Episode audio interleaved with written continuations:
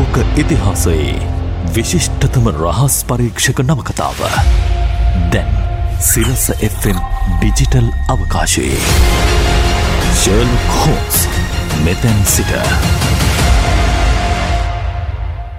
ශ්‍රීමත් ආතය කොනන්ටොයිල්ගේ stock බ්‍රෝකර්ස් clerk නම් වූ ශර්ල කෝම්ස් රහස් පරීක්ෂක කතා බැසුරෙන් ආනන්ද අමරසිරි සිරසට රචනා කරයි ලිපිකරුගේ අභිරහස.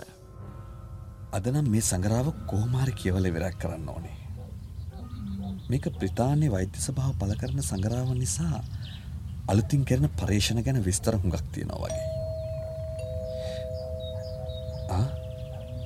කෞතු මේ උදේ පාන්දරම.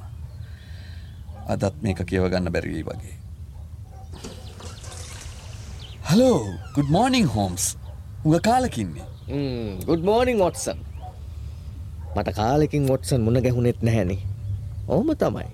විවාහ ජීවිතයට ඇතුළු වෙලා රැකියාව කටයුතුවලට මැදිවුණාම යාලූ අමතක වෙනවා.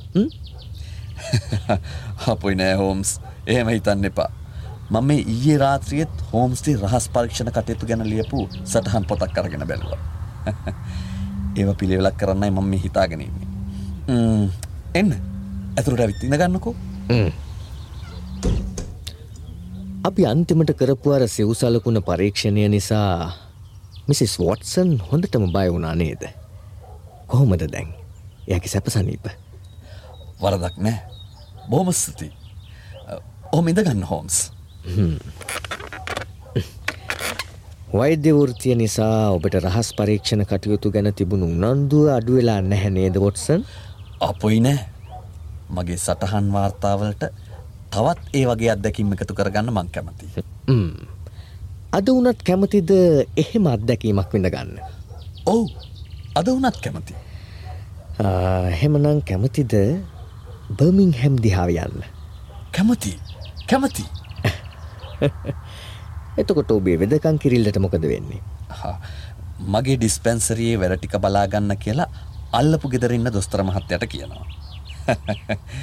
එයා නිවාඩු ගත්තහම මමත් එයාගේ ලෙඩ්ඩු බලනවානේ. ඒක කොච්චර වාසනාවක්ද? හොත්ස මට පේන විදිහට පහුගේ දවස්වල වොටසන් අසනීප ගතියකින් හිටියද? කිය සුමානේ දවස් තුනක්ම ගෙට වෙලා ඉන්න සිද්ධ වුණා උන හෙම්බිරිස්සාාව හැදිලා. හෝම්ස් කොහොම දේක දන්නේ? මගේ මුණ ලෙඩ පාටක් නැහැනේ වොටසන් දන්නවනේ මගේ නිරීක්ෂණ ක්‍රම ගැන? ඔබ එහෙනං එක අනුමාන කළා. ඒත් අනුමාන කරන්න මුල්ලුණු හේතුවමකක්ද ඔබේ සෙරෙප්පු දෙක.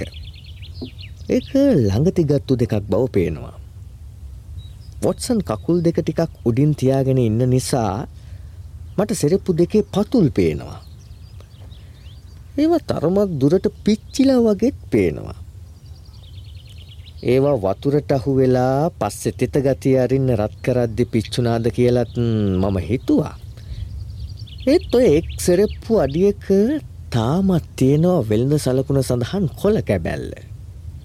තෙත ගතියට අහුණා නං ඒක ගැලවිලා යන්න ඕනනේ. එහෙමනං ඔබ ගිනි උදුන දිහාට දෙපා දෙක්කරගෙන වාඩි වෙලා ඉන්න ඇති. හොඳ ශරීර සෞඛ්‍යයක් ඇති මිනිහෙක් නං මේ වගේ කාලෙක ගේ ඇතුළට වෙලා වාඩි වෙලා ඉන්නේ නැහැනේ. ඉතින් මං තීරණය කළා වොට්සන් ඔබට යම් අසනීප තත්ත්වයක් තියෙන්න ඇති කියලා. එහෙමනම් ඔබ එනවා නේද බර්මින්හැම් යන්න. මොකද කාරණේ? ආ අපි ඒ ගැන කෝච්චේදි කතා කරමු වොට්සන්. මගේ ගනුදෙනු කාර්යය අස්ස කරත්තෙකුත් අරගෙන ඇවිත් එළිය බලන් ඉන්නවා. මට මිනිත්තුවක් දෙන්න හෝම්ස්. පොඩි ලියුම් කෑල්ලක් තියලා යන්න ඕනේ මගේ යාළු දොස්තර මහත්තයට. හොඳයි. මම දොරළඟ බලන් ඉන්නවා.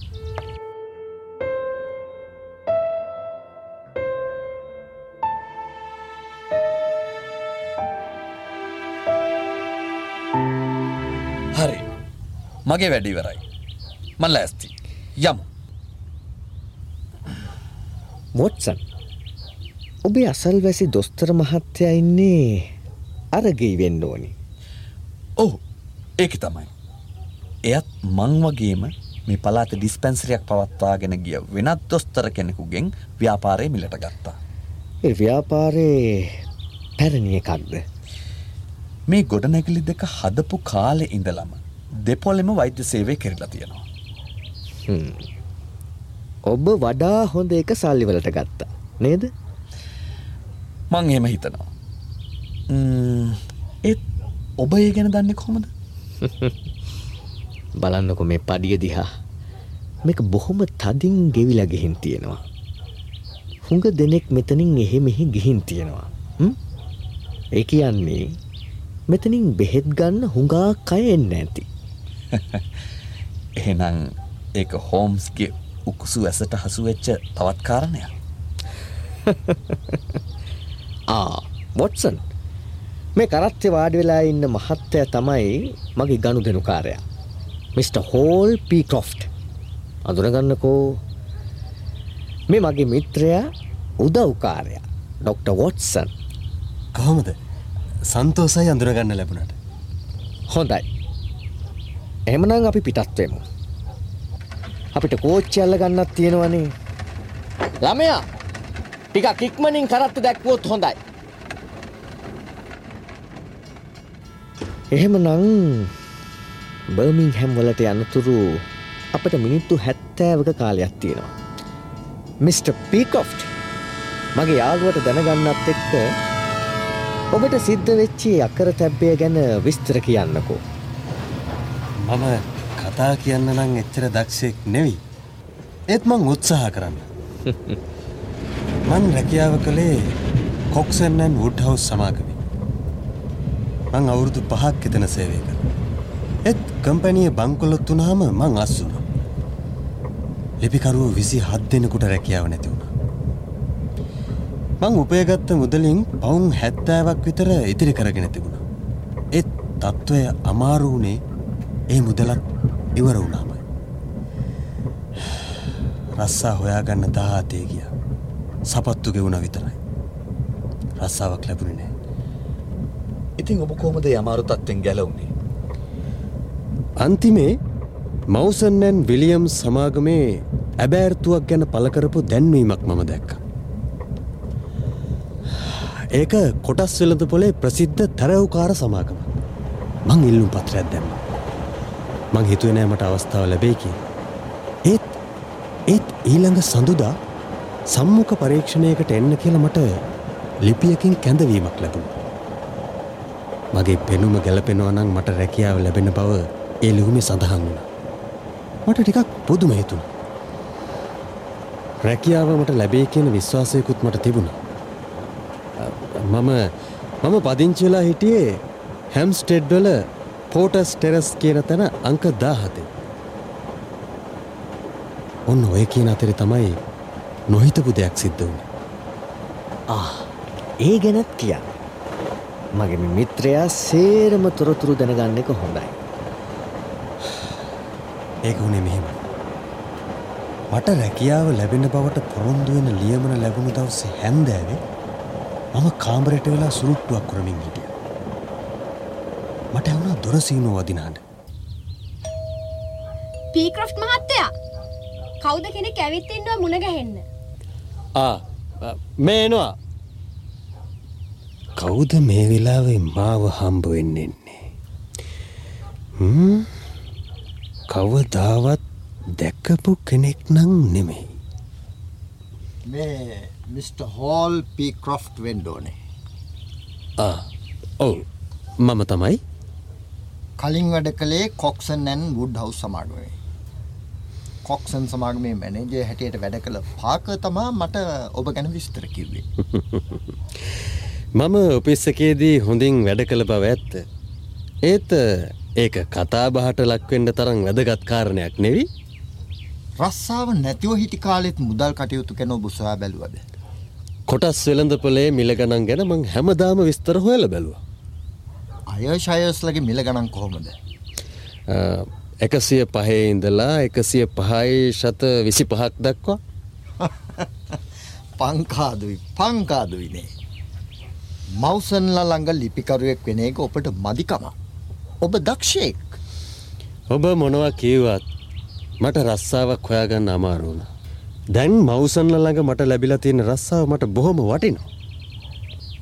ඔබේ වටිනාකම ගැන සලකනකොට මට ඔබට ගෙවන්න පුළුවන් වෙන්නේ බොහෝම සුළු මුදලා. හැබැයි ඒක මවසන්ල ගෙවන ගානට වඩා වැඩි. බොහෝම වැඩි. ඒත් මම සඳුදා උදේ මවසන් අල්ළඟ වැඩට යනවනේ. විකාර. සඳුදා උදේ වෙනකොට ඔබ ෆ්‍රැන්කෝ මිඩ්ලන්ඩ් හාඩ්වයා කම්පැනි එකේ මැනේජ තේරුණාද? එකසිය තිස් හතරක් තියෙනවා. එතකොට ප්‍රන්සේ බ්‍රසල්ස් නගරයේ සැන්රිමෝ නගරේ තවත් ශාකා තියෙනවා. මම කවදාවත් එහෙම කම්පැනි එකක් ගෙනහල නෑ ඒක පුදුමයක් නෙවී. මේ සමාගමට මූල ධනය සපයන අය ඒ වැඩේ කරන්නේ රහසි ගතවයි. ඒ නිසා අපි වැඩි ප්‍රසිද්ධියක් දෙන්නේ නෑ. මගේ සහෝදරය හැරීපින තමයි මුදල්ලංශයේ කටයුතු භාරවින්නේ. එයා දැන් අපේ සමාගමේ කළමනාකාර අධ්‍යක්ෂවරය. මම මේ පලාතට එනවා කියල එයා දැන හිටිය. එයා තමයි මට කීවේ සුදුසු කෙනෙක් හොයලා සමාගමට බඳවාගන්න කියලා. පීක්‍රොෆ් මහත්මයා මුල් අවුරුද්ධ අපි ඔබට පවුම් පන්සේයක් ගෙවන්න. එක සුළු ගානක් තමා. පවුම් පන්සීයක් පවුම් පන්සේයක් සුළු ගානක් වෙන්න කොහොමද. ඒ ඉතින් පටන් ගැන්මෙදී. ඔබ කරන හැම්ම ව්‍යාපාර කටයුත්තකින්ම ඔබට සියයට එකක කොමිස් මුදලක් ලැබෙනවා. ඒ මුදල ඔබේ වැටුපට වඩා වැඩිවෙයි. ඒත් එදයනෙ මං යකඩ බඩු වෙළඳාම ගැන මෙලෝ දෙයක් දන්නේ නෑනේ. ඒත් ඔබ මිල ගණන් ගැන දන්නවානි. මහත්මයා මවසන්ලා මට ගෙවන්න පොරොන්දුනේ පවුන් දෙසේයයි. ඒත් එතන රැකියාව ස්තිරයි. ආරක්ෂාව තියෙනවා. ඔබේ සමාගම ගැන මම එච්චර දෙයක් දන්නේ නෑනේ. හොබේ කල්පනාව හරිම සාධාරණයි. රැකියාවේ ස්තිරභාවය ගැන ඔබට සැක කරන්න දෙයක් නෑ. මං ඔබට පවුන් සේක වැටු පත්තිකාරමක් ලබාගන්න ලියමනක් දෙන්න. බොහොම ස්තුතියි. එහමනං හෙට එකට බර්මිං හැම්වලදි මුණගැහෙන්ඩ. තැන අංක එකසිය විසි හය B කෝපරේෂන් ස්ට්‍රීට් මෙන්න මෙන මේ මේ ලියමනත් අරගෙන යන්න.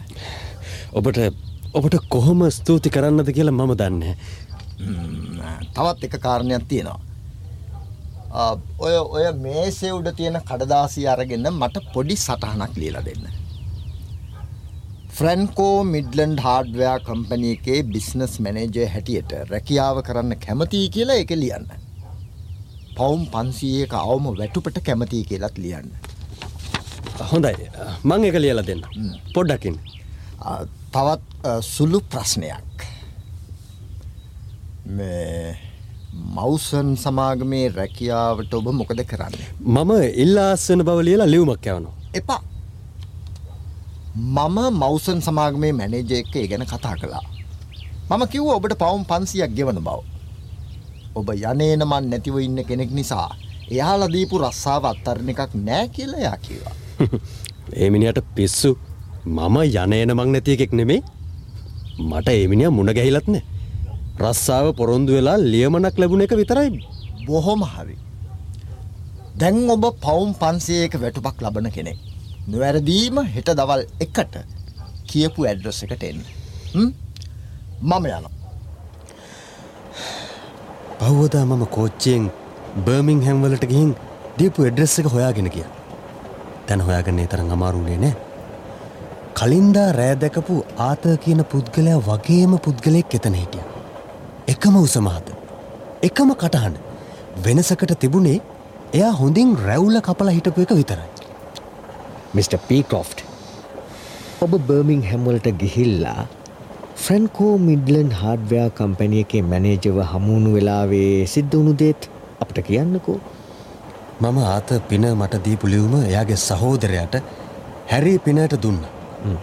එයා එක කියවල බැලු මං හිතුවේ ඒක බොහෝම ලස්සන කන්තෝරුවක් වෙන්න ඇති කියලා. ඒත් ඒත් එක පාලු දූවිලි පිරුණු තැන. හැරි පින මට වාඩිවෙන්න කිව. මගේ සහෝදරයා ඔබ ගැන බොහෝම පැහැදිල ඉන්න බව පේනවා. මේ කන්තෝරුව පෙනුම ගැන එච්චර හිතන්න එපා. වැඩ පටන් ගන්න එකයි තියෙන්නේ. මොනවද මගේ රාජකාරි කටයුතු. හොඳයි මං කියල දෙන්න. මේ තියෙන්නේ පැරිස් නගරයේ විස්තර ඇතුළත් ඩිරෙක්ටරිය එකක්. මේකේ වෙළඳ කටයුතු ගැන විස්තර සේරම තියෙනවා. ඔබට කරන්න තියෙන්නේ යකඩ බඩු වෙළෙන්දන්ගේ නම් ටිකත් ඇඩ්‍රස් ටිකත් ලකුණු කරන එකයි. ඩිරෙක්ටරිය ගෙදරගෙන හිගේ වැඩේ කරන්න. මට ඒ විස්තර බොහෝම වැදගත් වෙනවා. ඉතින් මංගේ දැවන්ත පොතත් අරගෙන මන් අතර වෙලා හිටපු හෝටලේට කිය. යකඩ බඩු වෙළෙන්දන්ගේ නං ලකුණු කරන්න කලින් මම අලුත් සමාගමේ පෙනුම ගැන ආයෙත් කල්පනා කළ. ඒත් මට මුදල් අත්තිකාරමක් ලැබිලා තිබුණු නිසා කමක් නෑ කියලා මං වැඩේ පටන් ගත්ත. සඳුද වෙනකොට මට ඉවර කරගන්න ලැබුණේ එච්චකුර දක්වා විතරයි. ඒත් මම හැරේ පිනගේ ඔපිස් එකට ගිය. ඔහු කිව්වා බදාද වෙනතුරු ඒ වැඩේ කරන්න කියලා. බදාද ගියාම සිකුරාද වෙනතුරු කරන්න කිව්. ඉතින් සිකුරාද ඒ කියන්නේ ඊයේ මම ඔෆිස් එකට ගිය. ඉතින් මොකද හැරීපින කිව්වේ. මිනිා මට කිව්වා ඩිරෙක්ටරිය එකේ තියෙන ලී බඩු වෙළෙන්දගේ නම් සේරම ලකුණු කරන්න කිය. යකඩ බඩු වෙළෙන්දු වගේම ලී බඩු වෙළෙන්දොත් පිඟං බඩු විකුණන බව ඔහු මට කිව්වා. ඕනෑවට වඩා වැඩේ ගැන මහන්සි නොවී වැඩ කරන්න කියලත් කිව්. ඊළඟ දවසේ හතට ඇවිත් මුණ ගැහෙන්න කිව්. ඒත් ඒත් මෙතනදී එක වැදගත් දෙයක් සිද්ධ වුණ. ඒ මොකක්ද. විනෝද වෙන්න සංගීත ශාලාවට එහෙම යන්න කියලා මිනිිය මට උපදෙස් දීලා හයියෙන් හිනාවුණ. එතකොට මම දැක්කා එයාගේ දත් ඇන්දේ වම් පැත්තේ දතක් ගොර හැඩි විදියට රත්තරංවලින් පුරුවලා තිබුණු බව. ඉතින් ඒක ඇති අමුත්තු මොකක්ද. මිනිස්සු රත්තරංවලින් දත් බඳිනවානේ. හේතුව මේකයි මිට. හෝම්ස්. ලන්ඩන් වලදී මාව මුණගැහිලා මව රැකියාවට බඳවගත්ත ආත පිනගේ දත්තැන්දෙත් ඒ වගේම රත්තරන් දතක් තිබුණ. කටහඬ රූපය උස මේ හැම්ම දේකින්ම සමාන පුද්ගලයෝ දෙන්නෙක් ඉන්න පුළුවන්ද කියලා මට හිතුණ. ෆ්‍රැංකෝ මිඩලන් සමාගමේ අධ්‍යක්ෂකවරය. ඒ කියන්නේ හැරී පින තමන්ගේ සහෝදරයා කියලා ආත කියපු නිසා මුලදි මගේ හිතේ ඒ තරම් සැකයක් ඇති නූනත් රත්තරං දත දැක්කට පස්සේ මගේ හිත කැළඹුණා. එකම දත එකම තැන එකම විදිහට රත්තරංවලින් පුරවලා. ඉතිං මිට. පීකොෆ් මොකදීළඟට කළේ. මම තාවකාලිකෝ නතර වෙලා හිටි හෝටලේ කාම්රයට ගිය. මම දිගටම කල්පනා කෙරුවා. ඇයි මාව ලන්ඩන් වල ඉඳලා බර්මිං හැම්වලට එව්වේ. එකම පුද්ගලයා මේ විදියට හැසිරෙනවාද කියලමං කල්පනා කළා. මේක මොකක් හරි ලොක්කු ගැටලුවක් ඇති බව මට තේරුම්ගිය. ඉතිං මං මිට. හෝම්ස් හොයාගෙනාව. බොහොම සිත් ගන්නා කතන්දරයක් මිට. පේකොෆ්ට්. බැරිද වොට්සන්ටයි මටයි ඔය ආත පිනව මුණ ගැහෙන්න මාර්ගයක් පාදගන්න. ඇයි බැරි. ආත පින හැරි පින කියන්න එක් කෙනෙක්ත දෙන්නෙක්ත කියන්න මන් දන්න. ඒත් මට පුළුවන් මේ මහත්තුරු දෙන්න මගේ බොස් ළඟට එක්කගෙන. හරි. අපි ලෑස්ති. දැන්නම් බර්මිංහැම්වලට හොඳටම කිට්ටුයි වගේ. දැන් වෙලාව හතට විතර ඇති වොට්සන්. අපි යමු කෝපරේෂන් ස්ට්‍රීට් එක දිහාට. මට ෆ්‍රෑන්කෝ මිඩලෙන් සමාගම තියෙන තැන බලාගන්න ඕනි. ඒක හොඳයි. ඒත් මගේ බොස් හැරී පින නම් මුණ ගැහෙන්න බැරිවෙයි. එයා එන්නේ නියම කරගත්තු වෙලාවට විතරයි. අනෙක් වෙලාවට කන්තෝරුවේ කවුරුවත්ම නෑ. ඒක කල්පනා කරලා බලන්න වටින කාරණයක්. කොයිකටත් අපි කන්තුරුව දෙහාට ගිහිල්ල බලමුකෝ. දෙයනේ මේ මොකද මේ? ඇයි ඇයි මිට. පීකොෆ්ට් ඇයි කලබල වුණේ අර අර බලන්න අර. අපිට ඉදිරියෙන් යන අර හාදයාදයා බලන්න. අන්න අන්න එයා තමයි මිට. පින අර බලන්න. අන්න යාර පත්තරවිකුරුණ කොළුවගෙන් පත්තරයක් ගත්තා. අන්න අන්න ඒ ගමන මිනිා ඔෆිස් එකට ඇතුල්ලුණ. පුදුමයි මේ මනුස්සයා මේ වෙලාවෙන් මෙතන මොනවා කරනවාද. අපි යම ඔෆිස් එක ඇතුළට. මිස පීකොෆ්ට් අපි දෙන්නව හඳුන්නල දෙන්න යාලූ හැටියට. හරි ඉක්මං කරමු. මෙතන පඩි පෙලක්නේ මිනිහ උඩ නැගල ඉවරයි. අපි නකිමු. පහක්ම මෙහාටයා බොහොම ඉක්මනින් නැගල වගේ. මිස පේකොෆ්ට් තට්ටු කරලා බලන්න. ඔෆිස් කාම්බරයේ දොර යාන්තමට ඇරිලා. ඉන්න මම තට්ටු කරන්න. එන්න ඇතුළට යමු යමු ඇතුළට මම කියපු විදිහටම හැසිරෙන්න්න ඕනේ. හරි හරි. යම්. අවේලාව යාවට සමාවෙන්න මිස්ට පින. මම මමාවේ වැදගත් කාරණයකට. ඒත් දැන් හිතනවා පස්සෙ වෙලාව කාවනං හොඳයි කියලා. මිස්ට පිනට සනීප නැහැ වගේ. ඔව්. ටිකක් අසනීප තමා. ඒකට කමක් නෑ කෞුද මේ ඔබත් එක් ඇවිත් ඉන්න දෙන්න? මගේ හොඳ යාලූ දෙන්නෙක්. මෙයා මිස්ට හැරිස් බර්මන් සේවල් අනෙත් එකෙන මිස්ට ප්‍රයිස් එයා මෙහෙම කෙනෙක්. දෙන්නටම රස්සාවල් නෑ. ඕ ඉතිං මේ සමාගමේම ඒ දෙන්නටත් රස්සාවල් ලබාගන්න පුළුවන්ද කියල බලන්න එක්කගෙනාවේ පුළුවනි පුළුවනි. මොකක්ද මිස්ට හැරිස්ගේ රැකියාව? මම ගණකාධිකාරවරයෙක් ඒ අන්සේට කෙනෙක් ඕන වෙනවා. එතකොට ඔබ මිට. ප්‍රයිස් මම ලිපිකාර රස්සාාව තමයි කරන්නේ. පීක්‍රොෆ්ට් ඔහෙගේ යාලු දෙන්නටම මේ සමාගමේ රැකියාව ලැබෙනවා. එක සැකයක් නෑ. අපි තීරණයක් කරගෙන දන්වන්නම්. හරි හරි හරි දැඟිතින් දෙයියන්ගේ නාමෙන් මෙතනින් පිට වෙලා යන්න. බොස්ට අමතක වුණා වගේ හෙට කරන්න තියෙන වැඩගෙන මට උපදෙස් වගයක් දෙන්න තියෙනවා කිව්වනේද ඔව් ඔව් පීක්‍රොෆ් තමන්ගේ යාළුවෝ දෙන්නත් එක්ක මිනිත්තු දෙක තුනක් ඔහොම ඉන්නකෝ මන් ටිකකින් එන්න. මිට. පීකොෆ්ට්. මිනිහා අපේ ඇහැ වහල්ල පැනගත්තවත්ද? ඒක සිද්ධ වෙන්න ක්‍රමයක් නෑ පිට වෙන වෙන මාර්ගයක් ඒ පැත්තිෙන් නෑ එක කාමරයක් තියෙනවා ඇතුළේ ඒකට පිටවෙන්න දොරක් නෑ එක නිකම්ම හිස් කාමරයක්. මිනි හයක ඇතුළි මොනවා කරනවාද? මිනි හිටිය හොඳටම බය වෙලා බාගිට මලා වගේ. අපි පොලිසි අය කියල සැක කරන්න ඇති මිනිහ සුදු මැලියුනේ අපි දැකල නෙවී මේ ගොඩනැගිල්ලට ඇතුළු වෙනකොටත් මිනි හිටිය බය වෙලා.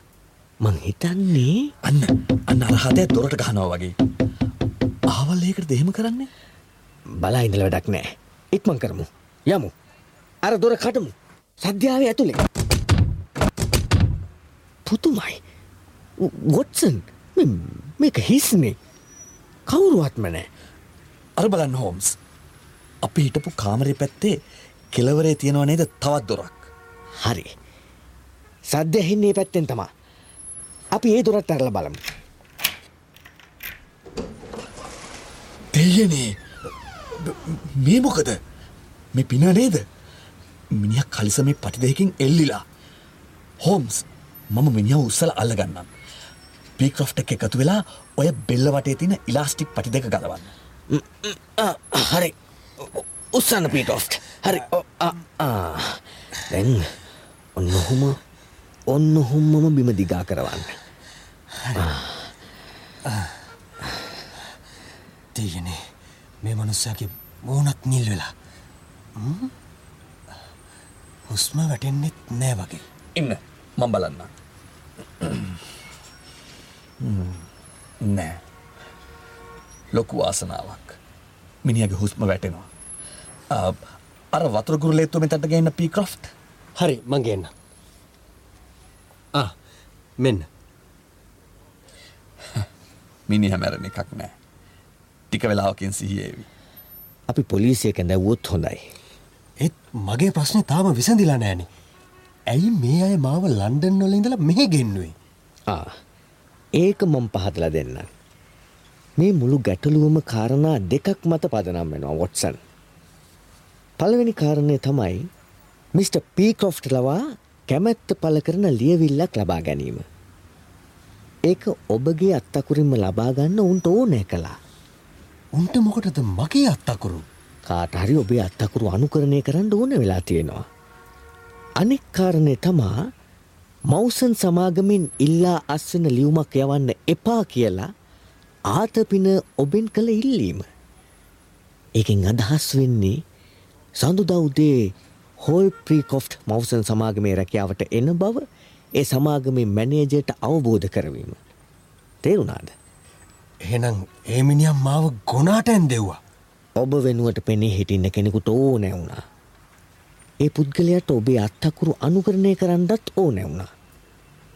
මිට. පීටොෆ්ට් මවසන් සමාගමේ කිසිම කෙනෙක් ඔබට පුද්ගලිකව හමු වෙලා නැහැ. නේද? නැහැ. රැකියාවට තෝරගත් බව දැනගණඩ ලැබුණේ තැපෑලින්. සඳුදා රැකියාවට යන්නයි මං හිතාගෙන හිටියේ. ඒ අතර තමයි මේ ආතකින්න කපටියා කඩා පාත්තුනේ. ආතරම තමා හැරී පින හැටියට පෙනී හිටියේ.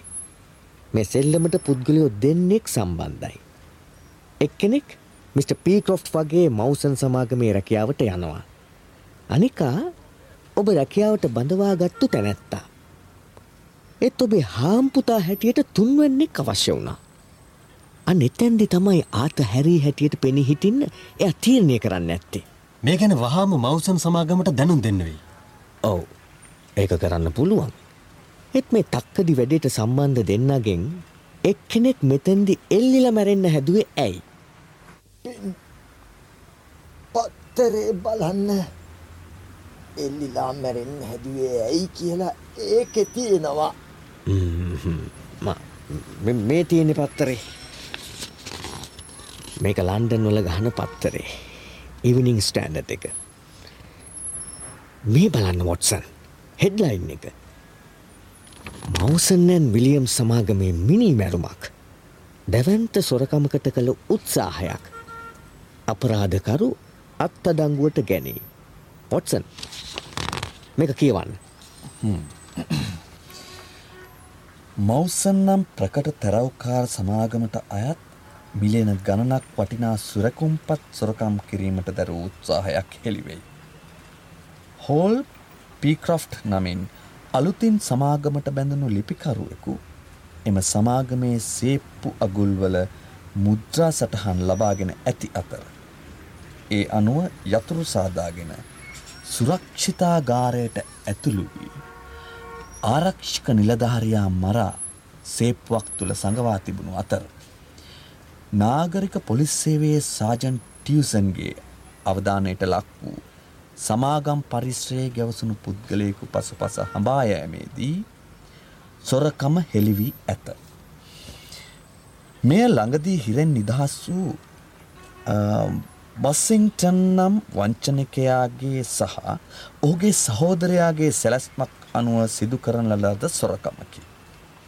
ඕගේ සහෝදරයා මේ සොරකම සිදු කරන අවස්ථාවේ එහි නොසිටි අතර පොලිසිය ඔහු පිළිබඳ සෙවිල්ලෙන් සිටි. හරි. පොලිසියට මහන්සි වෙන දෙයක් නැහැ. අයිය අත්තඩංගොට පත්වෙලා ඉවරයි. මල්ලි මෙතන ඉන්නවා. හොරෙක් තක්කදියෙක් වනත් තමන්ගේ සහෝදරයාගේ බෙල්ලට තොන්ඩුව වැටෙනවා කියලා දැනගත්ත හම තමන්ගේ ජීවිතය නැතිකරගන්න හදපු එක තමා වොටසන් මට තියෙන පුද්දුමේ. කොහොම උන්නත් ආත පින මෙතන ඉන්න බව අපි පොලිසිට දැනුම් දෙමු. මිට. පීකොෆ්ට් ඔබ වෙනුවට මවසන් සමාගමේ පෙනී හිටියේ අයියා. මවසන් සමාගමේ ලොක්ක හැටියටත් එතකොට ඔබ මුණ ගැහෙන්නා තැනැත්ත හැටියටත් පෙනේ හිටිය එයාගේ මල්ලි ආත පින. මිස පීකොෆ්ට් දැන් ඔබේ ගැටලෝ විසඳනා නේද? ජර්ලොක් හෝම්ස් සෑම අඟහරුවාදා සහ බ්‍රහස්පතින්දා දෙනකම සවස හතරට සිරස FM YouTube නාලිකාවොස්සේ.